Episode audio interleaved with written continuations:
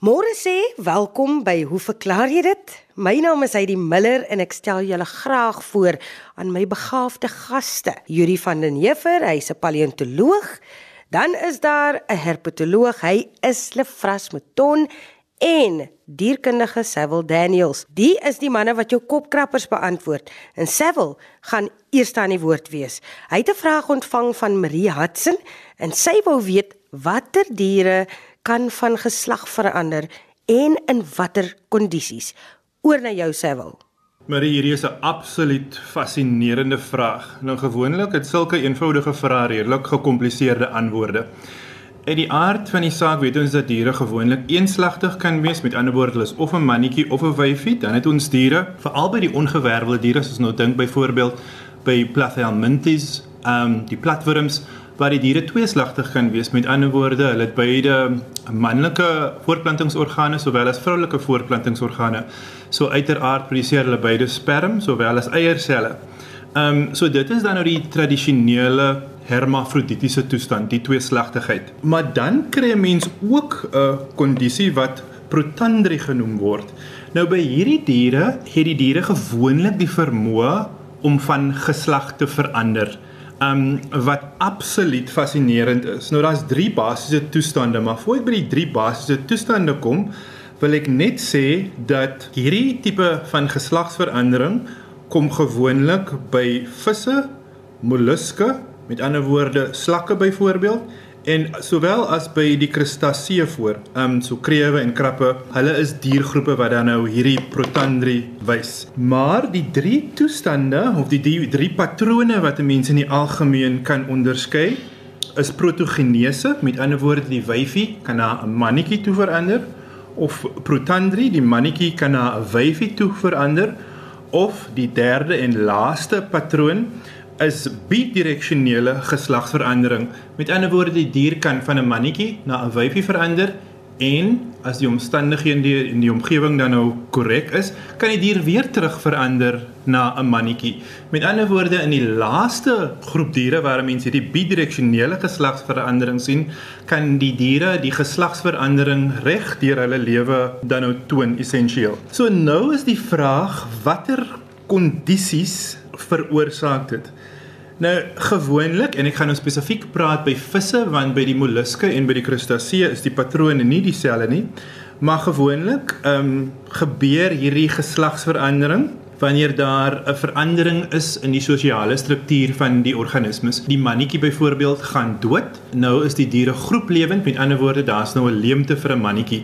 So wat dan gebeur is die grootste wyfie gaan dan in 'n mannetjie verander. Al hierdie addisionele redes soos byvoorbeeld die kritiese ouderdom van die dier en die grootte van die dier is dan nou van die addisionele faktore wat bydra tot hierdie protandriese verandering.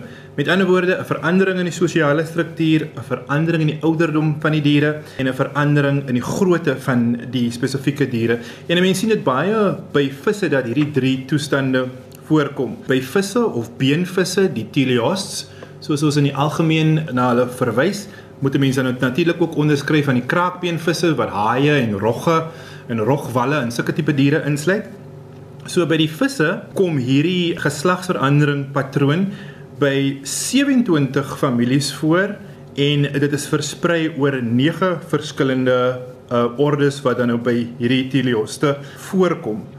Nou ek het 'n bietjie navorsing gedoen oor hierdie geslagsverandering En uiteraard is dit 'n redelike gekompliseerde genomiese proses. Dit kan wel natuurlik deur die omgewing gestimuleer word soos die meeste geslag by hierdie laar werveldiere. As mense dink aan ander werveldiergroepe, byvoorbeeld uh by krokodille weet 'n mens byvoorbeeld dat die temperature impak het of die diere mannetjie of 'n wyfie gaan wees. So wanneer 'n mens na hierdie protandiese gedragsverandering kyk of die, die protandriese um geslagsverandering liewer, kan omgewingsfaktore 'n hoofstimulant wees, byvoorbeeld die temperatuur van die water, die pH van die omgewing, die populasiedigtheid, maar dit kan ook 'n genetiese dryfveer wees of dit kan 'n interaksie tussen die omgewing en die genetiese faktore wees. So as 'n mens nou na hierdie verskynsel op 'n groter of of liewer op 'n cellulêre vlak kyk, kan 'n mens nogal dink dat dit 'n redelike gekompliseerde um, meganisme moet wees, ehm um, waar die diere dan nou morfologiese en anatomiese veranderinge moet um, teweegbring. Met ander woorde, as die dier byvoorbeeld 'n wyfie was, moet die dier nou in steede daarvan om 'n uh, oosite te produseer, moet die diere dan nou spermselle produseer. So as 'n mens nou net dink aan die hele biologiese proses, moet jy nou 'n groot hoeveelheid um, gene wat jy voorheen aangeskakel het, moet jy nou afskakel en nuwe gene moet jy aanskakel. So jy kan nou dink uit 'n genomiese perspektief uit, maar veral uit 'n uit 'n perspektief uit van hoe die selle nou gaan werk, gaan 'n vreeslik gekompliseerde uh, besigheid raak omdat daar nou verskillende proteïene in die gonades by die diere moet uitgedruk word.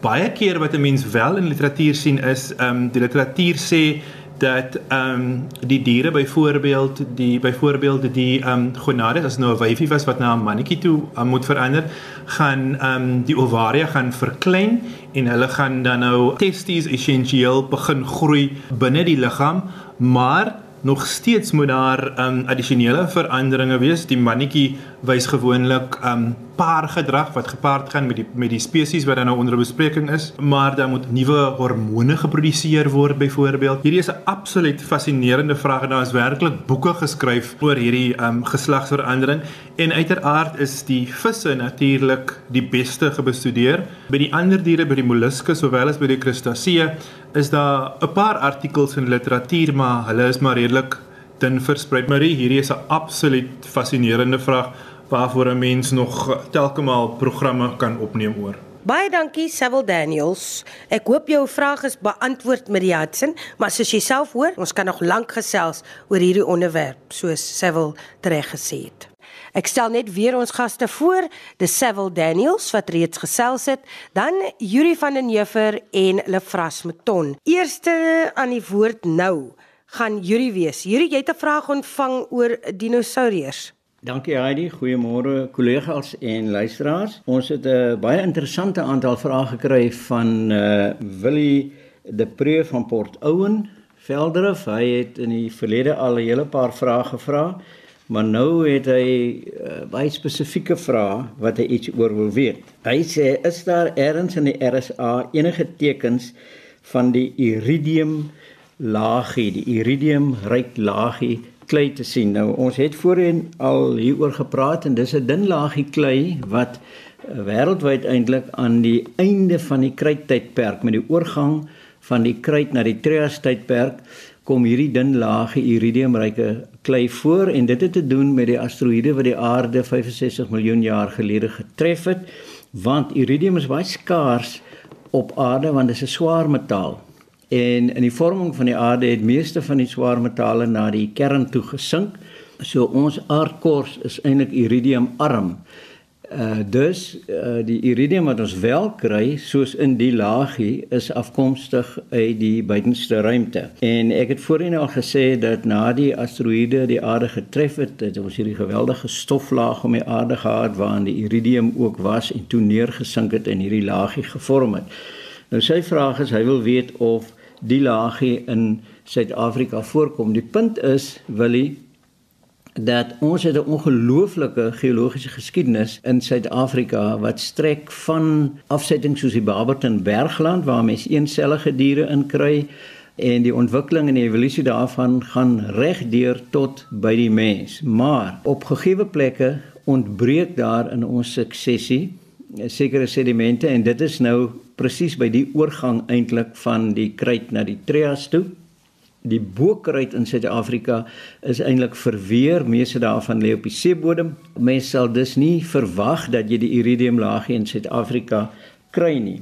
Ek het egter uh die moeite gedoen om 'n bietjie te gaan soek en toe 'n artikel gekry waar die geochemikus uh Marion of Marianne Trudeau 'n mede-outeur gewees het en hulle het boorgate geboor in die strandmeer by Richards Bay. Nou van die ouer luisteraars sal van Mariaan onthou, sy was deel van hierdie program gewees as 'n geochemikus en uh lewenslank swak gesondheid gehad en sy is onlangs, baie onlangs is sy skielik in Bloemfontein oorlede. Maar in elk geval in die artikel het hulle boorgate gesink in die strandmeer by Richards Bay en op die kruit trias kontak afgekom, maar daar was nie 'n iridium laagie nie. So in hierdie geval moet ons sê dat ons eintlik nie 'n uh, goeie voorbeeld daarvan het in Suid-Afrika nie, want die fossiele en die laag van daai tyd is verweer. Verder af in die vroeë kruit en dit handel nou oor van jou ander vrae ook ehm uh, het ons wel baie belangrike fossiele gekry veral van dinosourus, primitiewe dinosourus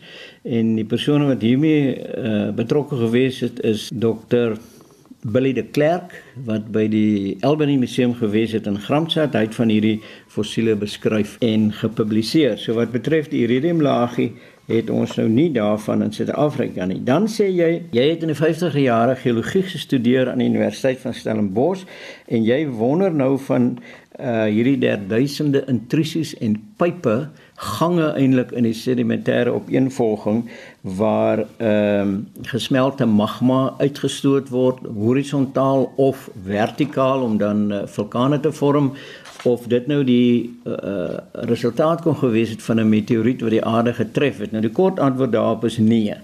Ehm um, die intrusies wat ons sien, die magma wat opgestoot word van die binnekant van die aarde af het te doen met die gesmelte materiaal naby aan die kern want die kern is nie gesmelt nie en die beweging daarvan, die vloeibaarheid daarvan in die aarde se binnekant wat dan teen die onderkant van die kors plate, die tektoniese plate trek en druk en krake veroorsaak en dan word hierdie gesmelte rots daar uitgepomp as dit teen 'n geweldige tempo plaasvind, dan het jy vulkane. As dit soos in ons geval uh van die Drakensberg vulkanisme dit horisontaal verplaas word, dan word dit ingedruk in krake in die kors van die Drakensberge af tot sover as sekere dele van die Karoo wat mense dan hierdie basaltlaag kry en dan verhard dit aan die oppervlakte en ons noem dit doleriet. So die doleriet is iets wat jy baie in die Karoo kry. Yuri toe daardie asteroïde die aarde getref het, het dit aanleiding gegee tot meer vulkaniese uitbarstings ook. Ek meen daar was nou hierdie ontploffing wat al die stof in die lug, maar iewers het ek gelees dat daar was ook verhoogde vulkaniese uitbarstings. Ja, uh, ek dink dit het daarmee saamgegaan. Uh, want as jy dink die omvang van daai ontploffing, uh daar's publikasies wat beweer dat binne 'n relatiewe kort tyd na die uh asteroïde getref het, jy weet dis daar tussen Noord en Suid-Amerika, het meeste van die plante groei en in Suid en Noord-Amerika verdwyn as gevolg van die hitte, van die vlamme en stukke rots wat wat in die lug ingewerp is, brandende rotse. En die impak dink ek sou waarskynlik ook dan vulkanisme aangehelp het in in uh, ander dele van die wêreld. Dit is moontlik, ja. Jou volgende vraag sê, hoekom kry jy dan nou geen ander inligting oor 'n uh, 'n groot dinosourier wat uh, ontdek is in Noord-Afrika, die uh, dinosourier met die naam van Spinosaurus en jy sê dit reg uh, dat Ernst Stromer dit ontdek het. Ek dink dit was in 1915 en dit is toe daarna uh, wetenskaplik beskryf. Uh, Spinosaurus inderdaad, ja, uh, dit was 'n baie groot uh, dinosourier geweest. Die naam Spinosaurus beteken uh, stekelakedus of stekelreptiel want hierdie ding het op sy rug langs sulke lang uitstaande stekels gehad. Nou daar's ander diere wat dit ook het, die bekende Amerikaanse Dimetrodon het hierdie dun uitgroeisels aan die bokant van die wervel, die rugwervel. Spinosaurus was iets anderser geweest want die uitgroeisels was nie so hoog nie en dit was meer afgeplat wat die party mense laat dink dat dit nie 'n uh, uitgroeisel was of 'n meganisme was om vel tussen te span sodat dit soos 'n seil gewerk het, miskien vir termoregulering nie, maar omdat die bene, die uitgroeisels plat meer afgeplat was, is daar gedink dat dit dalk 'n boggel op die rug kon gevorm het soos by sekere buffels en dat hierdie boggel uh vetagtige materiaal kon gedra het. So daar is die twee sienings dat dit dat dit eintlik so 'n boggelrug dinosourier gewees het en nie een met 'n seil op nie. Die ander anatomiese kenmerke toon dat dit ehm um, waarskynlik beide land en water lewend gewees het want hy het die dun snoet van 'n krokodil, die tande is nie het nie ruffels op nie, so dit lyk of dit aangepas is om vis te eet. Ehm um, en daar word dus 'n lewenswyse vir Spinosaurus uh voorgestel as 'n uh, beide land en waterlewend. Nou jou vraag gaan eintlik hier oor die grootte en jy noem dat die dinosourier so lank soos 50 meter kon gewees het. Nou sê dit die materiaal ontdek is, is daar baie navorsing op gedoen en daar's baie beter selfs rekenaarprogramme wat 'n mens hierdie goed mee kan uitwerk.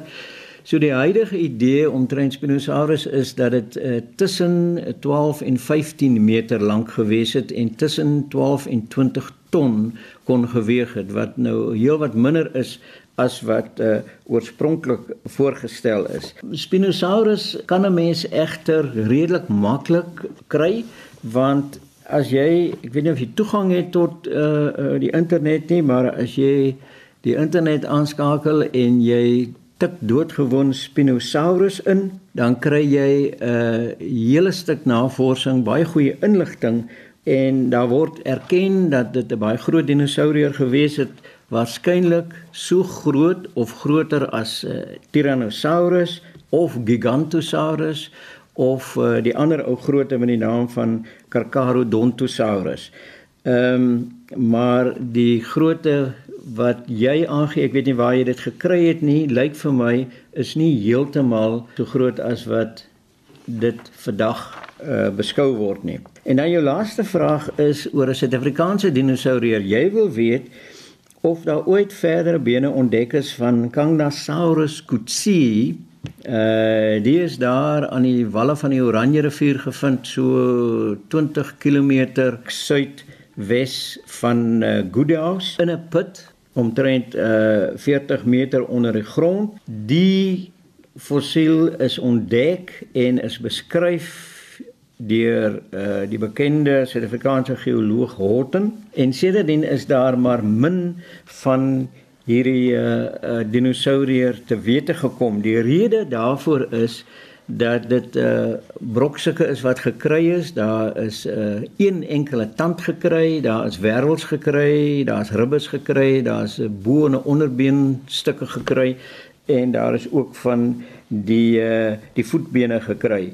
Uh Kangnasaurus kutsi uh is een van die dinosouriërs wat uit die onderkruit uitkom. So dit is nogal 'n belangrike bydrae tot die hele kompleks van uh, van dinosouriërs. Hy is omtrent in die omgewing van 100 miljoen jaar oud. Die jongste navorsing wat ek daaroor kon kry is gedoen deur uh, Mike Cooper. Die nuutste artikel wat ek kon kry oor navorsing oor Kangnasaurus was 1985 en dis in die Annale van die Suid-Afrikaanse Museum.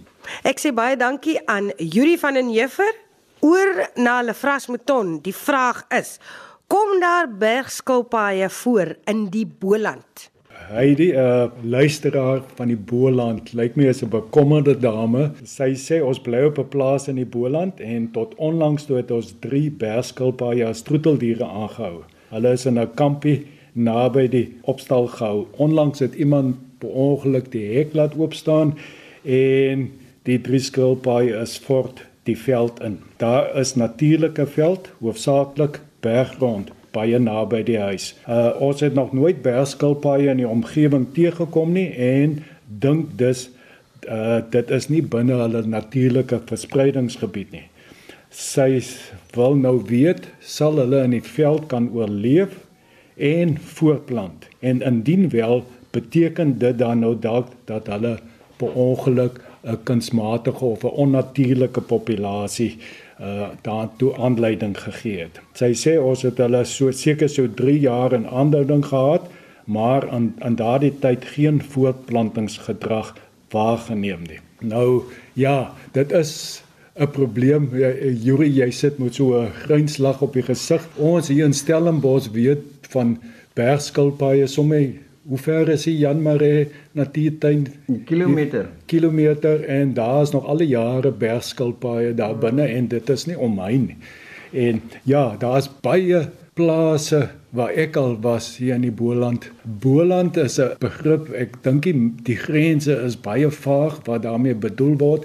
As kind het ek geleer as jy daar by die Hexrivier pas afry, dan is jy nou in die Boland. So Woester, Stellenbosch. Toe ek op skool was op Ceres en ons het in atletiek deelgeneem op ander dorpe soos Woester byvoorbeeld, dan ons beskryf as Noord-Boland. Maar ek het bietjie gaan kyk in die in die boeke wat is Boland? Hulle is sê amper tot so Parel, Mamasbree is so 'n soort van die noordelike grens, maar dan oor die berge suidwaarts tot Swellendam omgewing, dis alles Boland. So is maar 'n wye begrip. Ek weet nie waar die plaas nou is nie, maar ek dink die luisteraars het dan nou so 'n idee uh, wat ons bedoel met Boland.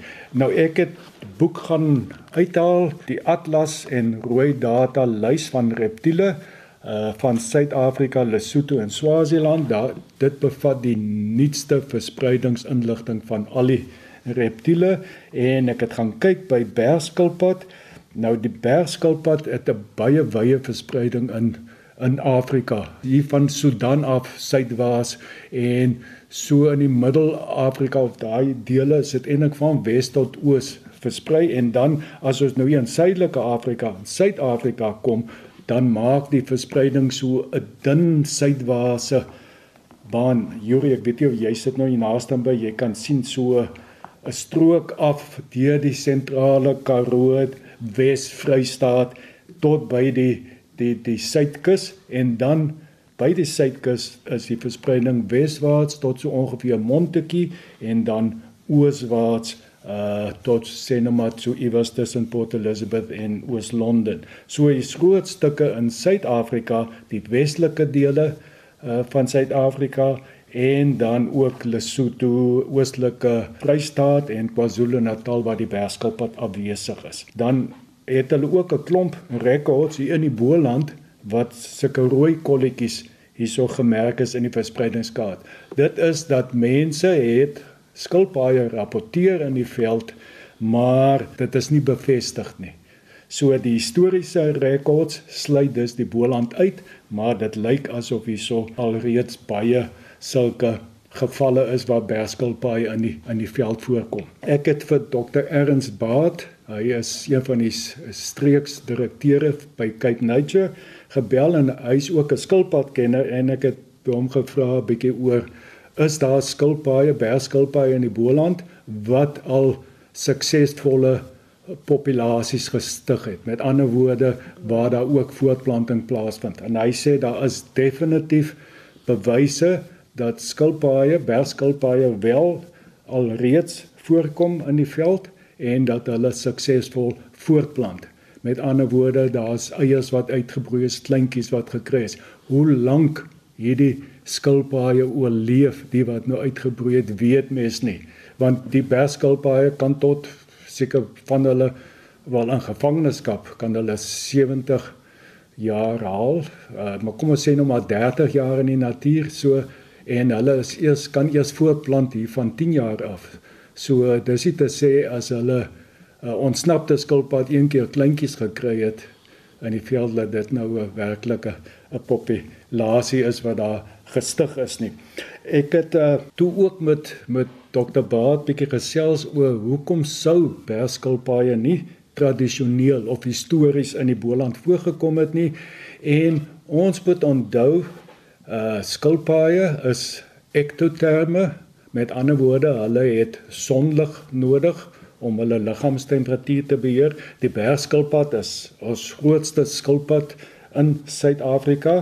Hulle kan tot 450 mm lank word 45 cm so 'n halwe meter. En daar's van die heel grootes wat amper 3 kwart meter lank is. Dit's massiewe goed en hulle kan tot 40 kg weeg. Nou vir so 'n skilpad om op te warm uh is nogals 'n probleem. Nou in die Wes-Kaap weet ons dat in die winter reën dit baie. Ek sê nou Wes-Kaap en ek bedoel dan nou die Boland. Dit reën baie. Daar is soms in die ou dae was dit tot 3 weke lank wolkbedekking. Nou so groot skilpad, dis nie dat dit so koud is nie, maar as net nie daai genoeg hitte wat hy om te kan eet nie. Uh dan die ander probleem wat 'n bergskilpad in die Boland sou hê is die kwessie van wanneer is kos beskikbaar. Dit is hierso middelwinter tot laatwinter, dan is al die eenjarige gewasse, grasse en goed is pragtig groen. Maar daar's min sonlig. Nou moet hy eet, maar hy kan nie opwarm om te eet nie. So die bergskilpad is eintlik 'n somerreënval dier. Daar waar baie kos, grasse en goed in die somer is, die hitte is, ons moet onthou bergskilpaaie plant ook in die somer voort en dan moet hy kan eet. Nou hier in die Boland, die Weskaap, gedurende die somer is dit droog. Hierso einde van van Februarie af is by baie plekke baie baie droog en daar's niks kos nie. So dit gaan nie vir die bergskilpad werk nie. So ek dink daar's nou nog nie genoeg bewyse daarvoor nie, ek, maar ek dink tog dat die populasies wat nou al gevestig is, is eintlik amper tydelike populasies. As as so een koue winter baie reën gaan hê of twee van hulle ons hoop is sommer hierdie jaar al die eerste ene dan gaan baie van die groter skilpaaie dalk al klaar reeds probleme hê. Ek dink jy ons gaan ooit groot getalle bergskilpaaie hê nie hier in in die Boland nie. In elk geval nie in my lewenstyd nie. Ek wil vir die luisteraar dus sê ek dink nie sy's die eerste ene wat bergskilpaaie laat ontsnap het hier in die in die Weskaap nie. Uh, seker ook nie die laaste ene nie. Bergskilpaaie om een of ander rede of enige skilpad eintlik. Mense Behalwe as hulle kinders het, nou kry hulle skilpad in die veld. O, mamma kan ons die skilpaadjie saamvat en dan word die skilpad nou saamgevat na die huis toe en dan word dit nou daar aangehou op allerlei snaakse dieete en dan op 'n stadium dan ontsnap die skilpad. So ons het nou gesê die in die winter reënvalstreek is eintlik vir baie van die ektoterme 'n probleemarea daar's ook baie akkedisse wat dieselfde ding jy's hulle kom nie hier in die Boland hierdie kolletjie waar dit baie reën voor hier om dieselfde rede daar's te min sonlig. Dit gaan nie oor koue nie maar oor te min sonlig. Dit dan al vir vandag se program van hoe verklaar jy dit? Maar onthou jy kan saamgesels of as jy 'n kopkrapper het stuur hom gerus vir ons. Jy kan vir ons skryf by hoe verklaar jy dit? Posbus 2551 Kaapstad 8000 of jy kan 'n e-pos stuur na my Heidi by rsg.co.za. Ek spel Heidi H A I D E E. Ek groet jou tot 'n volgende keer.